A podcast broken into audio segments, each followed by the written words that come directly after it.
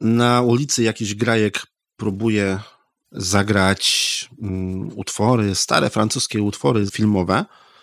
Więc może dzisiaj porozmawiamy o muzyce. Co ty na to? Jak najbardziej. Okej. Okay.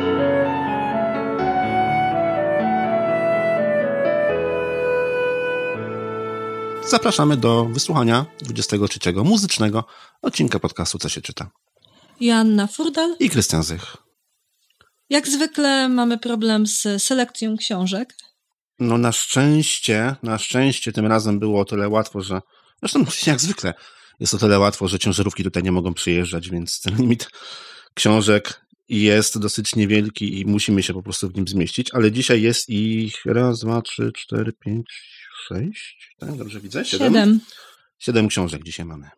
Tak, dzisiaj przynieśliśmy siedem książek. Mamy tutaj książki, których wspólnym mianownikiem jest na pewno muzyka, ale też e, potraktowana w różny sposób w każdej z tych pozycji. Pozycje również są przeznaczone dla rozmaitego wieku, od najmłodszych do nieco starszych. Nie mamy tutaj wprawdzie pozycji dla nastolatków, ale zdecydowanie dla dzieci szkolnych jak najbardziej.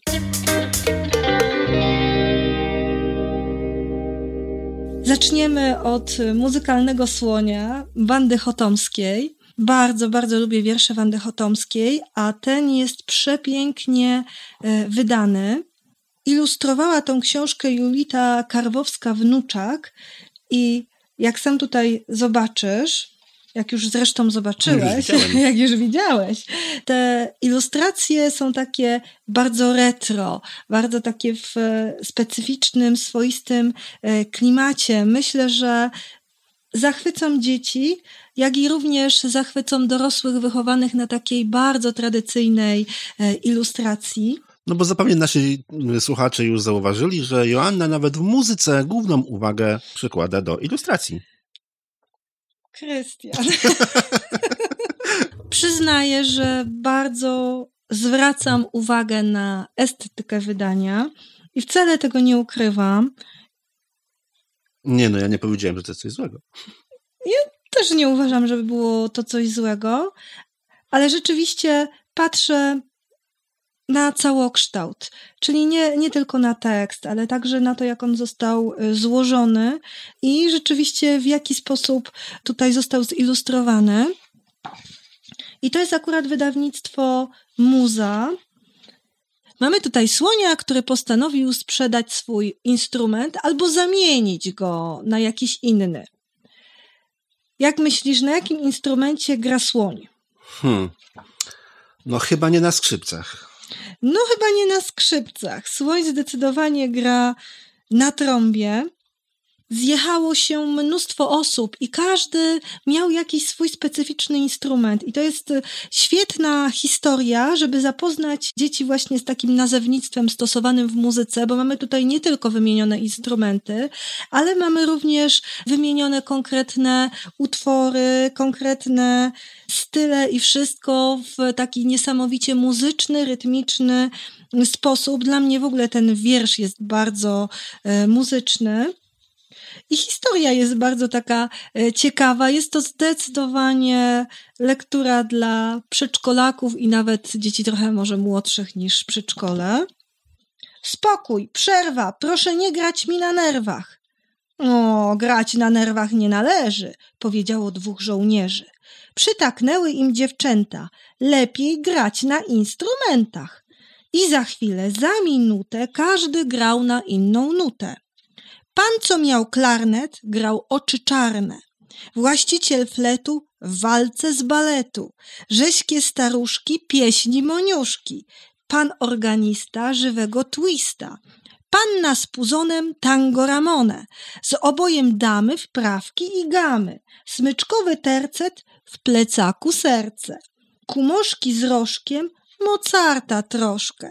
Piszczały smyczki, brzęczała blacha, ten grał oberka, a tamten bacha. Jeden instrument, drugi zagłuszał, aż się niedobrze robiło w uszach. Lecz słoń, o dziwo, był w niebo wzięty. Śmiał się i patrzył na instrumenty.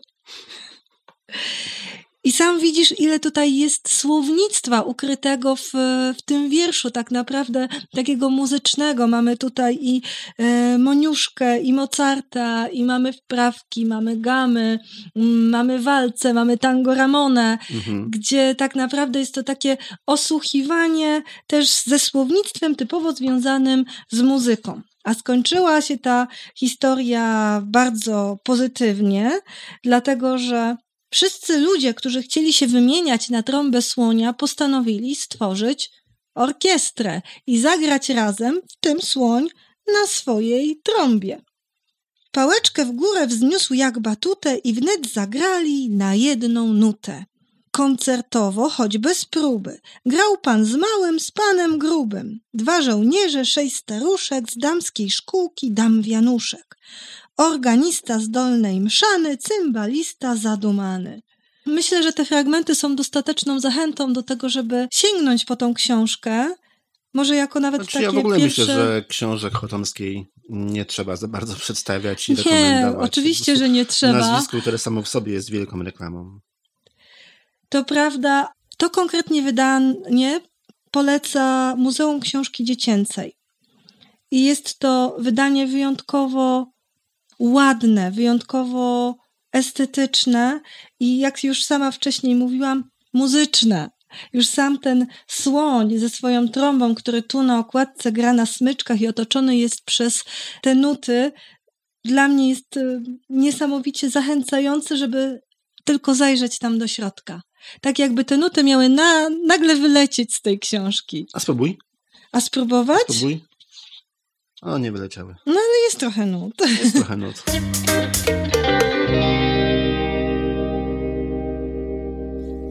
Przejdziemy teraz do książki zupełnie innej i moim zdaniem z jednej strony nadającej się dla trochę starszych dzieci, a z drugiej strony, jak już ci wspomniałam, byłam y, świadkiem, jak moja znajoma robiła warsztaty z wykorzystaniem właśnie tej y, książki. To dla takiego bardzo drobnego wieku, powiedziałabym żłobkowego i wczesno-przedszkolnego. I to się bardzo, bardzo sprawdziło. Mamy tutaj książkę Wszystko gra Anny Czerwińskiej-Rydel, ilustrowaną przez Martę Ignerską. Kojarzysz nazwisko? Będę robiła testy. Ojej. Zaraz poczekaj, tylko ściągi znajdę. Nie szukaj ściąg, ale już mówiliśmy, że bardzo łatwo rozpoznać książki tego konkretnego wydawnictwa. Mhm. To jest wydawnictwo Wytwórnia. Tak, i książki są bardzo charakterystyczne, jeżeli chodzi o wygląd. Tak, bardzo charakterystyczne.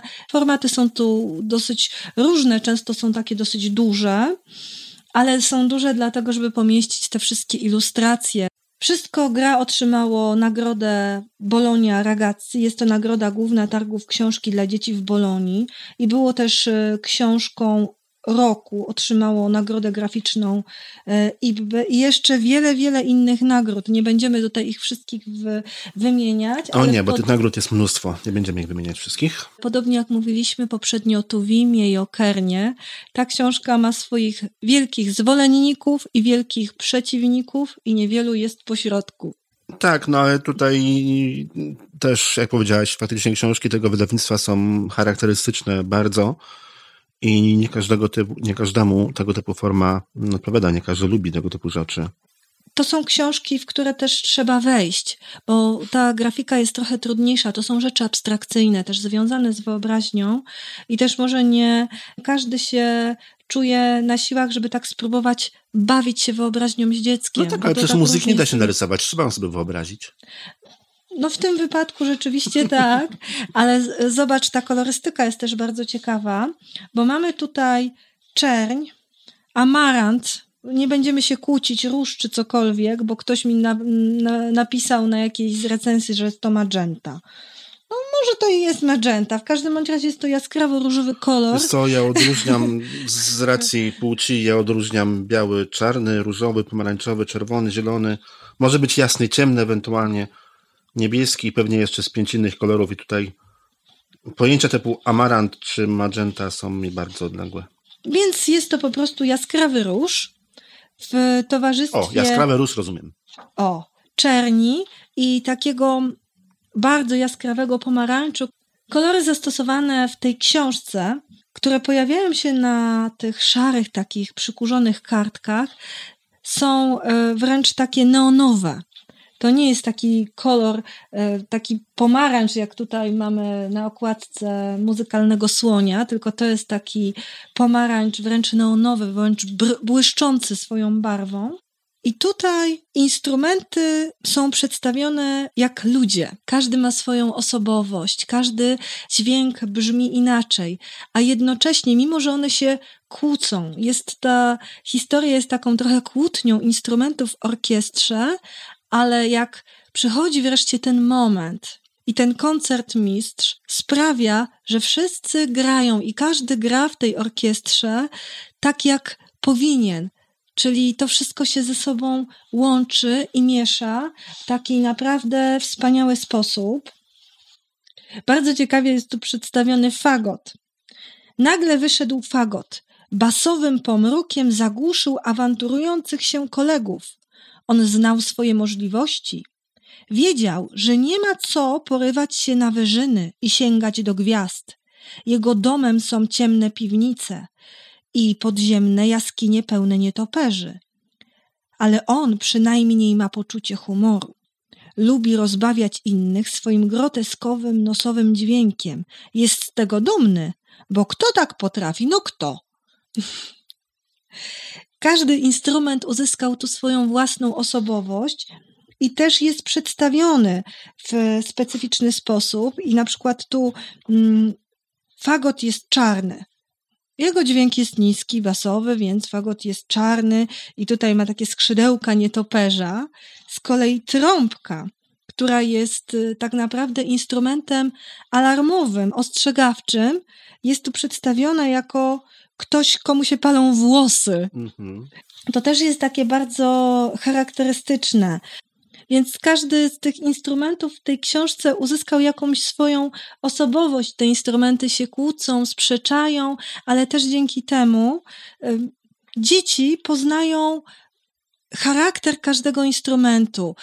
Ten, który jest y, niski, ten, który ma wysoki dźwięk, wysokie brzmienie, ale są także instrumenty, które teoretycznie mają trochę mniejszą rolę, e, na przykład w orkiestrze, ale bez nich nie ma tej orkiestry. Altówki nie odpowiedziały. Były jak zwykle obrażone. Znowu w symfonii niewiele będą miały do grania. Po co zatem w ogóle wydawać głos? Po co się stroić? Bez was żaden utwór nie zabrzmi jak trzeba, przekonywał miękko koncertmistrz. Jesteście nam potrzebne. I tutaj tak naprawdę w symfonii potrzebny jest każdy instrument. I tutaj już widać, jak te ilustracje rozkwitają, i każdy z instrumentów wydaje dźwięk, jednocześnie te obrazy się łączą i mieszają ze sobą. I tutaj już widać, jest coraz więcej, czyli tak, jakby te dźwięki się cały czas rozwijały i ze sobą łączyły, mieszały. To też jest ciekawe, bo jak tak naprawdę opisać i rozrysować muzykę. Nie wiem, wcale to nie jest takie proste, żeby narysować I muzykę. I zobacz teraz tutaj. Wszystkie kolory są uspokojone.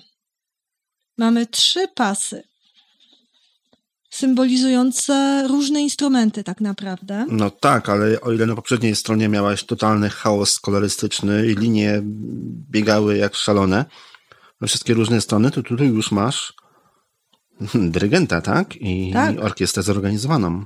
Zrobił pierwszy ruch ręką, a oni zagrali. W harmonii i zgodzie, uzupełniając się wzajemnie i wspierając, opowiadali historię o pełnej żaru miłości. Słychać było też śpiew ptaków i odgłosy polowania. I być może dlatego tak podoba mi się ta książka, że w tak obrazowy sposób opisuje to, co opisuje muzyka. Tylko żeby tak naprawdę to zrozumieć, to musimy tej muzyki też posłuchać.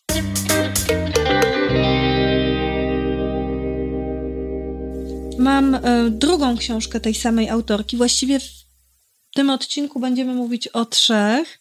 Trzymam w ręku, co tu jest grane.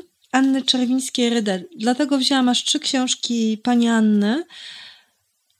bo jest muzykiem, jest pedagogiem i moim zdaniem w sposób genialny jest w stanie w prosty sposób na takich bardzo obrazowych przykładach wyjaśnić pewne związane z muzyką terminy, jak już tutaj też mówiliśmy przed nagraniem. Niestety, ale nasza edukacja muzyczna w szkołach ogranicza się do biografii. No najczęściej jest to po prostu biografia artystów, tak, i instrukcja obsługi fleta. Uwielbiam to, tą twoją opinię. No ale no niestety, ja, no, ja mam taką opinię po prostu o nauce muzyki. Ja pamiętam z lekcji muzyki, czego myśmy się, czego my się uczyliśmy w szkole i to głównie tak naprawdę to były biografie artystów. Ważniejsze było to, w którym roku urodził się ktoś tam, kogo w życiu na oczy nie widziałem, niż to na przykład, co zagrał, albo czym jest symfonia. I niestety tak często do dzisiaj wygląda edukacja po prostu muzyczna w szkołach. Moja mała szkoła miała umowę podpisaną z Filharmonią Bydgoską i rzeczywiście tutaj parę ładnych lat temu regularnie muzycy przyjeżdżali, prezentowali y, nam na auli, no nie była bardzo duża szkoła, więc wszyscy się tam w tej auli zmieściliśmy. Różne właśnie y, instrumenty, były to zajęcia tematyczne, ja je pamiętam. To znaczy, pamiętam, że było ich bardzo dużo.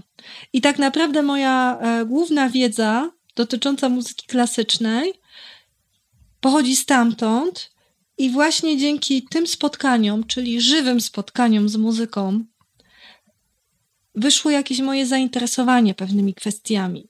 Bo jeżeli to by miało być rzeczywiście coś, co ja pamiętam z lekcji muzyki w szkole, to na pewno pamiętam to by się tym na pewno nie siedzą. Tak, na cztery głosy, tak? Ojej, Każda tak, ławka śpiewała osobno. Tak, tak, tak. Tylko najgorsze mhm. jest to, że ja naprawdę nie wyciągam gór. Ja tak fatalnie śpiewam. Ale ten twój jest paskudny, ja go nie lubię.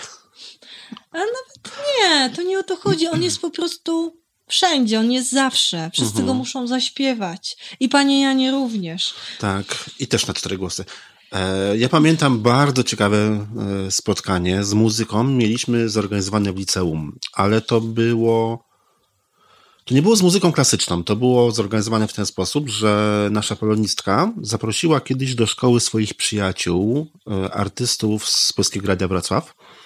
Osoby, które zajmują się muzyką, prowadzą audycję o muzyce. Oni prowadzili wtedy, ja w tej chwili, w tej chwili nie wiem co, E, jakie audycje nie prowadzą, ale wtedy prowadzili audycję późno w nocy na temat muzyki rozrywkowej, ale takiej bardzo mało znanej. Muzyki, której praktycznie nie ma na co dzień w radiu i na pewno nie można jej usłyszeć w takich godzinach, mm, w godzinach pracy czy popołudniowych. I właśnie przyjechali, przyjechali z instrumentami, przyjechali z gitarami i mieliśmy z nimi takie bardzo, bardzo ciekawe spotkanie muzyczne. Czyli po prostu z osobami, które o muzyce mówiły na co dzień, i to było coś zupełnie innego. Natomiast w podstawówce nie przypominam sobie, żebyśmy mieli zbyt dużo jakichś spotkań z muzyką, czy w ogóle czegokolwiek poza, jak już powiedziałem, instrukcją obsługi fleta i, i po prostu biografiami autorów. Dla mnie takimi bardzo e, ciekawymi zajęciami dotyczącymi muzyki były zajęcia z muzykoterapii, na arteterapii. I też wtedy zaczęłam sobie jakby zdawać sprawę, a to już było dość późno, to było bardzo późno. No tak, czyli generalnie wychodzi, że pierwsze, pierwsze ciekawe doświadczenia z muzyką mamy dużo, dużo, dużo po szkole podstawowej, tak? Nie kojarzę jakichś takich pasji muzycznych z lekcjami muzyki w szkole podstawowej. Dlatego warto coś... zajrzeć do książek, właśnie albo Wandy Chotomskiej, albo chociażby książek, o których w tej chwili mówimy, Anny Czerwińskiej-Rydel. I do parę innych, o których powiemy za chwilę jeszcze, bo jest tych książek jeszcze trochę przed nami. Tak, po prostu porywamy się z motyką na słońce, jak zwykle. Jak zwykle. Jak zwykle. Co tu jest grane? Książka niezwykle ciekawa i moja ulubiona wśród tych, które przyniosłam. Ale nie jest ostatnia. Ale nie jest ostatnia, absolutnie. Jest y, to książka wytwórni. Jeżeli chodzi o ilustracje, utrzymane są w takiej różowej, beżowej tonacji. Powiedziałabym, że nawiązują zdecydowanie do lat 50. Osobiście bardzo mi się podobają, chociaż y, uwielbiam po prostu Jana Sebastiana Bacha, który uciera ciasto w makutrze. Wygląda przepięknie. Jest to książka o cukierni, ale cukierni niezwykłej, dlatego że wszystkie słodkości, które się w niej znajdują, są to słodkości muzyczne. Autorka, bohaterka trafia do cukierni i chce coś kupić. Chciałabym kupić ciasto, ale nie wiem, czy u pana można. Jak najbardziej mamy znakomite wypieki, jedyne na świecie ciasta i ciasteczka w muzycznych formach i foremkach. W muzycznych foremkach? O, a które pan poleca? To zależy od tego, na jaki smak ma pani dzisiaj ochotę. W dobrej cukierni jest jak w muzyce. Każdy utwór, tak jak ciasto, ma swoją wyjątkową formę i smak. Kiedy ja nie wiem, chyba wszystko lubię. Tak się pani tylko wydaje. Prowadzę tę cukiernię już wiele lat i zauważyłem, że moi klienci mają ściśle określone gusta. Są tacy, którzy najbardziej lubią ciasta drożdżowe, inni, którzy uwielbiają ciastka z kremem i jeszcze inni, dla których może nie istnieć nic prócz lukrowanego pączka z konfiturą. I to jest y, ciekawy fragment, bo dotyka ważnej rzeczy, że każdy tak naprawdę może lubić coś innego i może też mieć na coś innego ochotę w zależności od nastroju, że to nie jest tak, bo mamy czas, czasami określamy muzyka klasyczna. Nie lubię muzyki klasycznej, tylko ona ta cała straszna muzyka klasyczna jest bardzo różnorodna. I tak naprawdę to niestety, ale. Chociaż nie słuchałbym muzyki klasycznej na pewno jadąc gdzieś w tramwaju, bo w tym momencie akurat uważam, że muzyka do akurat podróży tego typu się nie nadaje, natomiast bardzo dobrze mi się pracuje przy, przy tego typu muzyce. No i właśnie, zależy, co w danym momencie robimy, w jakim jesteśmy nastroju i ta muzyka bardzo różna może nam albo pasować w danym momencie, konkretnym momencie, albo nie pasować. Dokładnie. Dokładnie i to też jest e, dobre i tak jak mówisz, to nie jest e, muzyka, której możemy słuchać w tramwaju, w takim natłoku informacyjnym. Kiedyś ktoś robił e, taki eksperyment, że znany muzyk, skrzypek grał gdzieś pod mm, metrem i ktoś mu wrzucił ileś tam pieniędzy, tam jakiś dolar uzbierał, a taki słynny muzyk, ludzie tyle pieniędzy płacą do filharmonii, żeby na niego przychodzić. No tak, tylko że niestety, ale moim zdaniem. Tego typu muzyka w tym miejscu po prostu nie pasuje. Tak, do, dokładnie, to nie jest e, miejsce, w które ludzie przychodzą słuchać muzyki. Oni się spieszą w tym momencie, przechodzą z jednego miejsca w drugie. To nie jest kwestia, że oni nie doceniają tej muzyki. Oni w tym momencie jej nie docenią. Dlatego, że ona jest przez nich nieodbierana. Tutaj e, Tak, to po prostu nie jest muzyka, która w tym momencie powinna się znaleźć. I w, w tym momencie, w danej sytuacji, ta muzyka po prostu. W taki nie sposób pasuje. można udowodnić wszystko. Ach, dobra, okej, okay, tu już wkraczamy w bardzo niebezpieczny obszar. Tak, ja wiem. I tutaj mamy na przykład niesamowite wypieki w tej piekarni, bo mamy drożdżową fugę, czy mamy też Jana Sebastiana Bacha, który te drożdżowe fugi tak chętnie robił. Mamy tak, także pleśniak sonatowy. Ten pleśniak to u mnie nazywa się kruszonem, więc może ktoś zna określenie kruszon na to ciasto, ale w taki bardzo ciekawy sposób mm, autorka pokazuje, jak dana muzyka jest zbudowana. I tak jak na przykładzie e, pleśniaka, Część pierwsza jest szybka, gwałtowna i dużo się w niej dzieje. Gdy upieczone kruche ciasto wyjmiemy z piekarnika, po wystudzeniu smarujemy je powidłami ze śliwek. Daje to lekko kwaskowaty, ale łagodny i delikatny smak. I to jest ta część druga. Część druga w muzycznym cyklu sonatowym jest wolna, łagodna, śpiewna, delikatna. Trzecia to będą te ubite jajka. I tutaj jest e, napisane, że w tym cyklu sonatowym po tej drugiej wolnej, śpiewnej części następuje trzecia, taneczna, wesoła, lekka. Czyli mamy te warstwy, ale jeszcze na, występuje czwarta, w tym przypadku to jest kruszonka. Czyli to samo ciasto, które jest na spodzie, ale pokruszone. Ostatnią częścią cyklu sonatowego jest część czwarta, która może mieć podobną formę do części pierwszej, ale jest lżejsza, krótsza i szybsza. I to jest takie bardzo obrazowe pokazanie, jak tak naprawdę dany utwór muzyczny jest y, zbudowany. Zawsze po wypieku muzycznym y, znajdują się przykłady. Na przykład posłuchaj cyklu sonatowego w kilku różnych odmianach. Jest to raczej książka do czytania i słuchania razem z rodzicami z osobami, które chcą coś pokazać, zarazić w jakiś sposób y, tą muzyką, bo nie jest to zdecydowanie książka na dobranoc. Nie jest to taka opowieść o, muzyczny, y, o muzyce, nie są to opowiadania, tylko bardziej bym powiedziała, że to mogłaby być nawet książka, która by mogła wspomagać w edukacji muzycznej. Do wspólnej pracy. Do tak? wspólnej nie, pracy. Nie, niekoniecznie tak. do czytania wieczorem, ale do wspólnej pracy. E, jeżeli chodzi o utwory. I zabawy. Pracy, pracy, do wspólnej zabawy. Dobrze.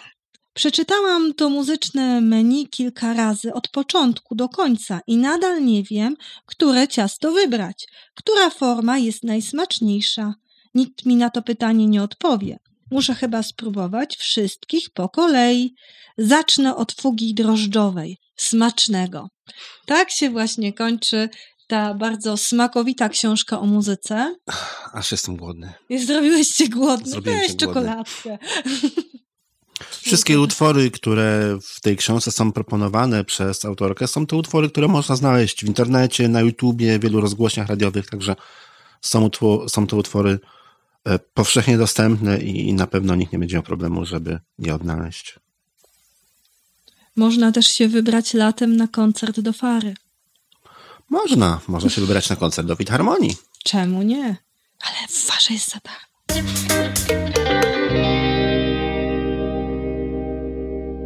Mamy trzecią książkę Anny Czerwińskiej-Rydel, ale przeznaczoną już według mnie dla nieco starszego czytelnika.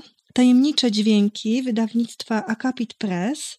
Nieco starszego, czyli kategoria wiekowa nauczanie początkowe. Nauczanie początkowe, myślę, że tak.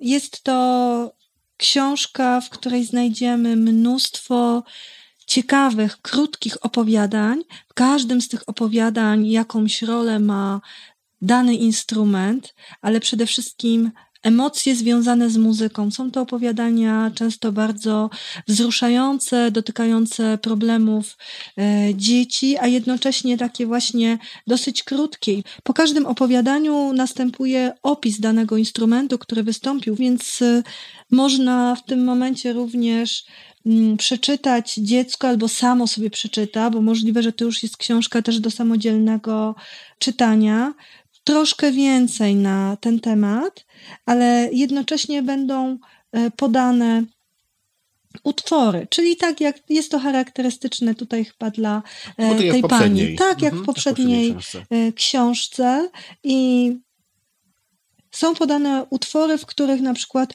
dużą rolę odgrywa dany instrument. W tym przypadku mamy tutaj wiolonczela i podano na przykład sonatę wiolonczelową G-moll Fryderyka Chopina. Przeczytam e, mały fragment, bo zastanowił mnie. Prawda jest taka, że my czytając te książki sami się edukujemy.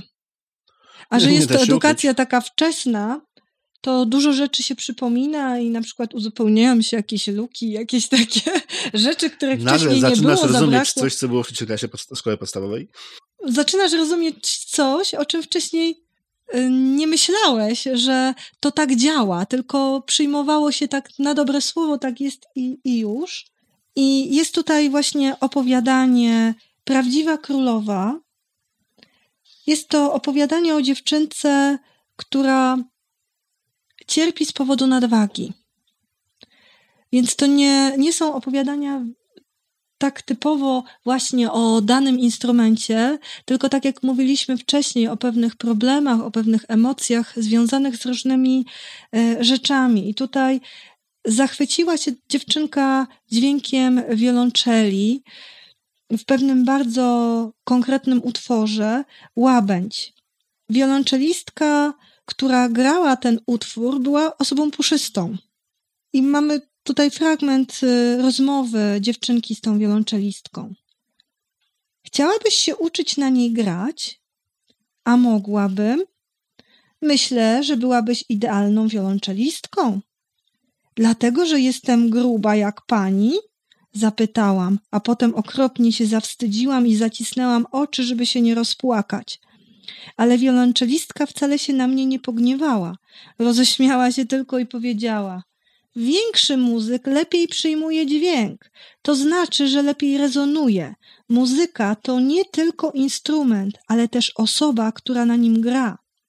Nie myślałam jednak o twojej figurze, kiedy powiedziałam, że byłabyś idealną wiolonczelistką. Nie dlatego tak uważam. A dlaczego? Otworzyłam oczy i spojrzałam zdziwiona. Dlatego, że wyglądasz jak prawdziwa królewna. Powiedziała to bardzo poważnie, a wiolonczela to królewski instrument.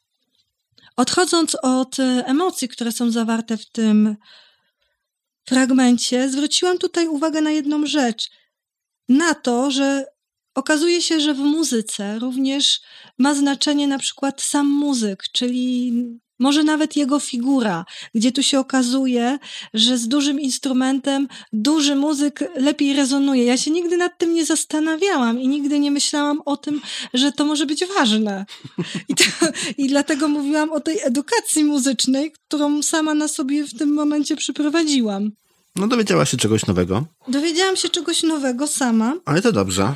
Myślę, że to dobrze.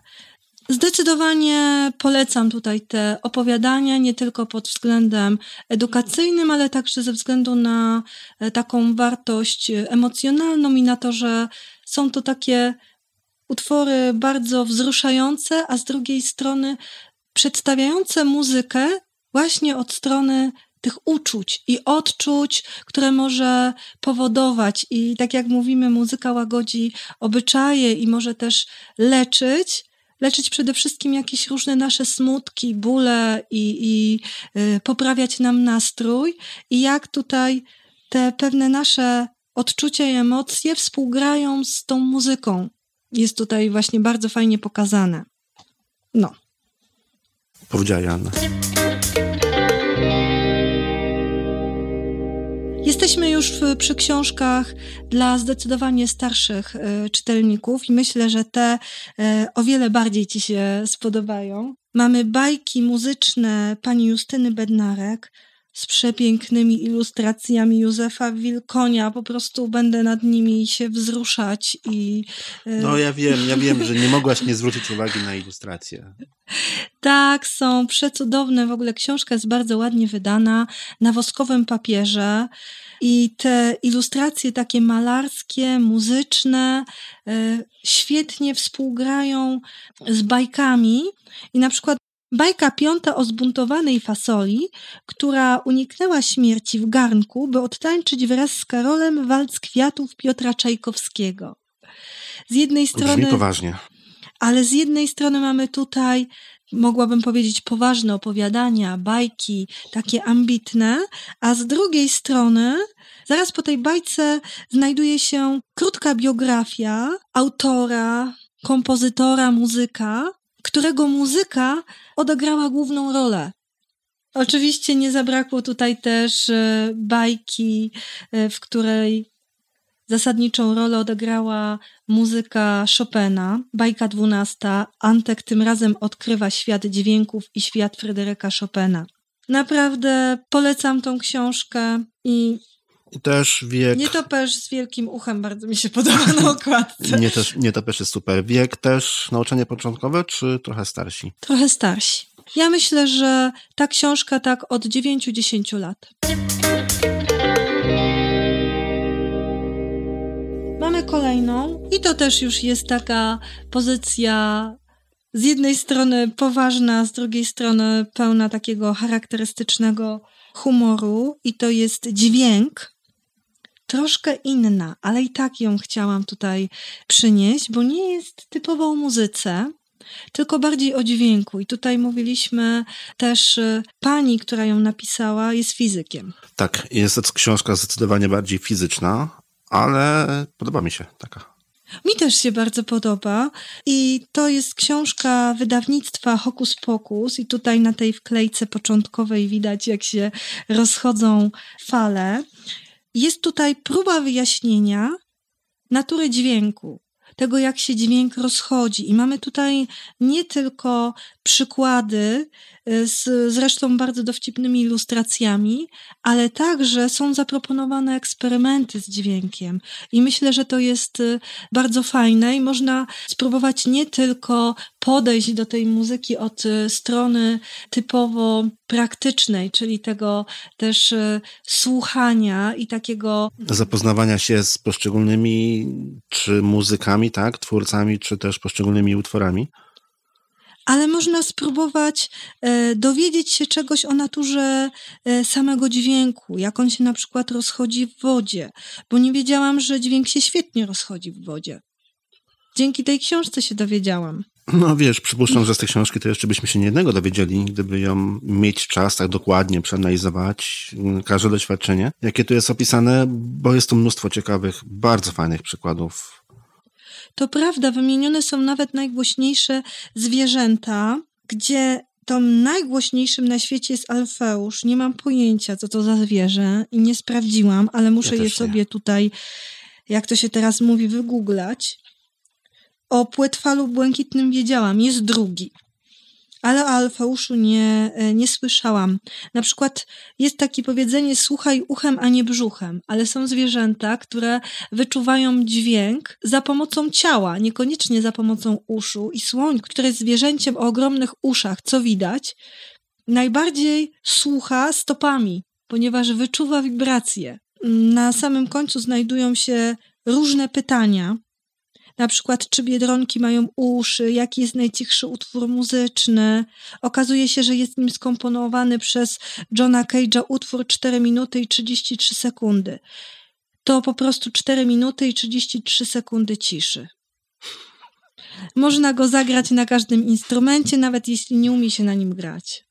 Ciekawe, ile czasu kompozytor poświęcił na spisanie partytury. Nie mam pojęcia. Albo czy stworzenia mają uszy na, na nogach i czy mężczyźni rzeczywiście mówią więcej niż kobiety. Otóż okazuje się, że nie. Nie, zdecydowanie nie, szczególnie w naszym podcaście. no dobrze, ja cię czasami przegaduję, przyznaję się do tego. No tak, rzeczywiście. W naszym przypadku to ja mówię więcej.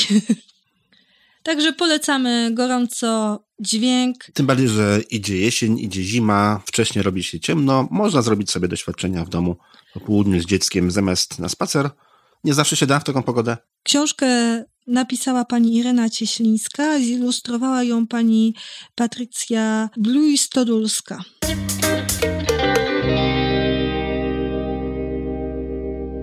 I nasza ostatnia pozycja też właśnie tutaj dla wieku zdecydowanie e, szkolnego i to niekoniecznie wczesnoszkolnego, chociaż myślę, że już e, pierwsza i druga klasa też by mogła skorzystać z tej książki. Myślę, że tak. Myślę, że tak. Sporo jest rzeczy w taki fajny sposób opisanych i, i myślę, że powinny być zrozumiałe również i dla 7-8-latków. Jest to książka Zuzanny Kiślewskiej, 12 półtonów. Książka o muzyce zilustrowana przez Jerzego Gruchota i Wojciecha Kosa.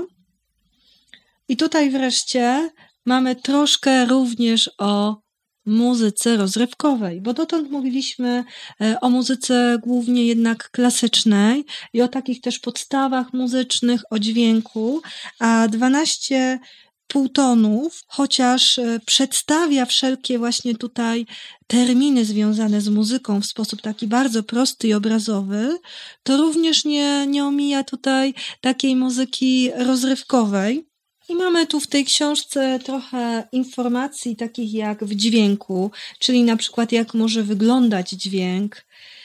Właśnie, bardzo ciekawy przykład pokazany na podstawie fali, która się robi na wodzie. Bardzo mi się to podoba. Jest to naprawdę świetny sposób, żeby przedstawić dźwięk, równocześnie bardzo prosty do odtworzenia praktycznie w każdych warunkach. Nawet w domu wymywalce. No, myślę, że w fontannie, w stawie, wszędzie. Wszędzie, wszędzie, wszędzie tak naprawdę dokładnie. wszędzie, gdzie jest jakikolwiek zbiornik. Mi się też osobiście tutaj podobają e, te ilustracje. Są bardzo proste i obrazują wszystkie informacje, które są zawarte w książce. Można tutaj między innymi znaleźć odpowiedzi na takie pytania, jak Co wspólnego ma muzyka z astronomią i dlaczego Platon bał się muzyki? Mi się wydawało, że on jej nie lubił, ale okazuje się, że mógł się nawet, nawet jej bać z jakiegoś powodu. A wiesz, że nie czytałem tego fragmentu? Nie odpowiem ci na to pytanie. No to zostawmy to dla czytelników. Myślę, Myślę że, że, nasi słuchacze mm, przeczytają ten fragment. Może nam odpowiedzą w komentarzach. Ja tutaj już szykowałam zupełnie inny fragment i ty już wiesz dlaczego. Okej. Okay. Mamy tutaj między innymi kwestię, czy rośliny lubią słuchać muzyki Mozarta. Było też trochę o e, hip-hopie. E, możesz się dowiedzieć, kiedy po raz pierwszy zaśpiewano hymny na stadionie, chociaż dla mnie na przykład muzyka Adele nigdy nie powodowała u mnie smutku. Chociaż z badań ponoć e, wynika coś innego. I słuchając muzyki Adele, ponoć nam chce się płakać. Ballada Someone Like You w wykonaniu tej brytyjskiej wokalistki jest utrzymana w durowej tonacji, a mimo to ściska gardła i wyciska łzy z oczu nie tylko jej najbardziej oddanych fanów. I można się to na przykład możliwe, dowiedzieć, powiedzieć. dlaczego tak, a nie inaczej wpływa na nas e, muzyka. Mnie tutaj e, bardzo rozbawił przykład Che Guevary. Dlaczego Che Guevara tańczył mambo, kiedy orkiestra grała tango? Jeden z głównych przywódców rewolucji na Kubie cierpiał na dość mało znaną przypadłość. Amuzja, inaczej zwana głuchotą dźwiękową, dotyka około 5% ludzi i polega na niezdolności nie tylko do odtwarzania melodii poprzez zanucenie jej, ale nawet do jej rozpoznania. Zazwyczaj jest ona wynikiem uszkodzenia kory mózgowej. Ma wiele odmian. Niektórzy nie potrafią rozpoznać muzyki, czyli połączyć w głowie dźwięków muzyczne zdanie. Inni są głusi na rytm. Jeszcze inni nie potrafią rozpoznać fałszu w najprostszej melodii. I tutaj przykładem jest kręcący pupą do tanga El Comendante. Teraz mój osobisty wybieg, ponieważ ja też tańczę mambo. I zupełnie inną teorię, być może e, przeciwną amuzji, ma e, mój instruktor, który uważa, że mambo jest absolutnie takim tańcem, który się da zatańczyć do wszystkiego. Nawet do tanga. Nawet do tanga. I możliwe, że El Comendante o tym wiedział. Chociaż może nie Wiesz, wiedział. Może być tak, że El Comendante nie potrafił odróżnić muzyki jednej od drugiej, A może ale... nie znał tango. Ale, albo nie znał tango, ale znał, ale znał mambo, mambo i wiedział, że można zatańczyć ze wszystkim. Więc wiesz, może być tak, że obie teorie były prawdziwe. Dokładnie, wiesz jak to jest z teoriami. Nam się wydaje, że a, odkryliśmy to, to jest właśnie klucz do matury to właśnie miał autor na myśli, a tak, może właśnie tak, nie. A może właśnie nie. 12,5 tonów książka dla trochę starszych, aczkolwiek z bardzo dużym poczuciem humoru. Książka pisana właściwie jak dobra komedia. I dla uczniów ile? 9 plus mniej więcej? Tak, chyba chyba tak, nie? Chyba, chyba dla takiego wieku. Także mieliśmy tutaj ze sobą książki, które próbowały rozrysować dźwięk, próbowały wniknąć w istotę muzyki, a także takie, które na przykładach cukierniczych uczyły, jak zbudowane są konkretne utwory muzyczne, takie, które również wnikały w emocje, ale również przynieśliśmy tu książki, które w bardziej taki naukowy sposób podchodziły do muzyki, na przykład y, próbowały Książka odnaleźć dźwięk, tak? istotę myślisz? dźwięku. Mhm. Tak, dokładnie. Ale bardzo ciekawy sposób, moim zdaniem. Mm, moim ten też. dźwięk został przedstawiony. Bardzo mi się te książki podobały. Więc zapraszamy do słuchania muzyki, do czytania o muzyce i może do świadomego odbierania muzyki. A może nasi słuchacze nam coś zaśpiewają? Tradycyjnie wszystkie linki do książek dzisiaj omawianych na co się czyta.pl ukośnik 23. Zapraszamy do słuchania. I do usłyszenia za tydzień. Tak.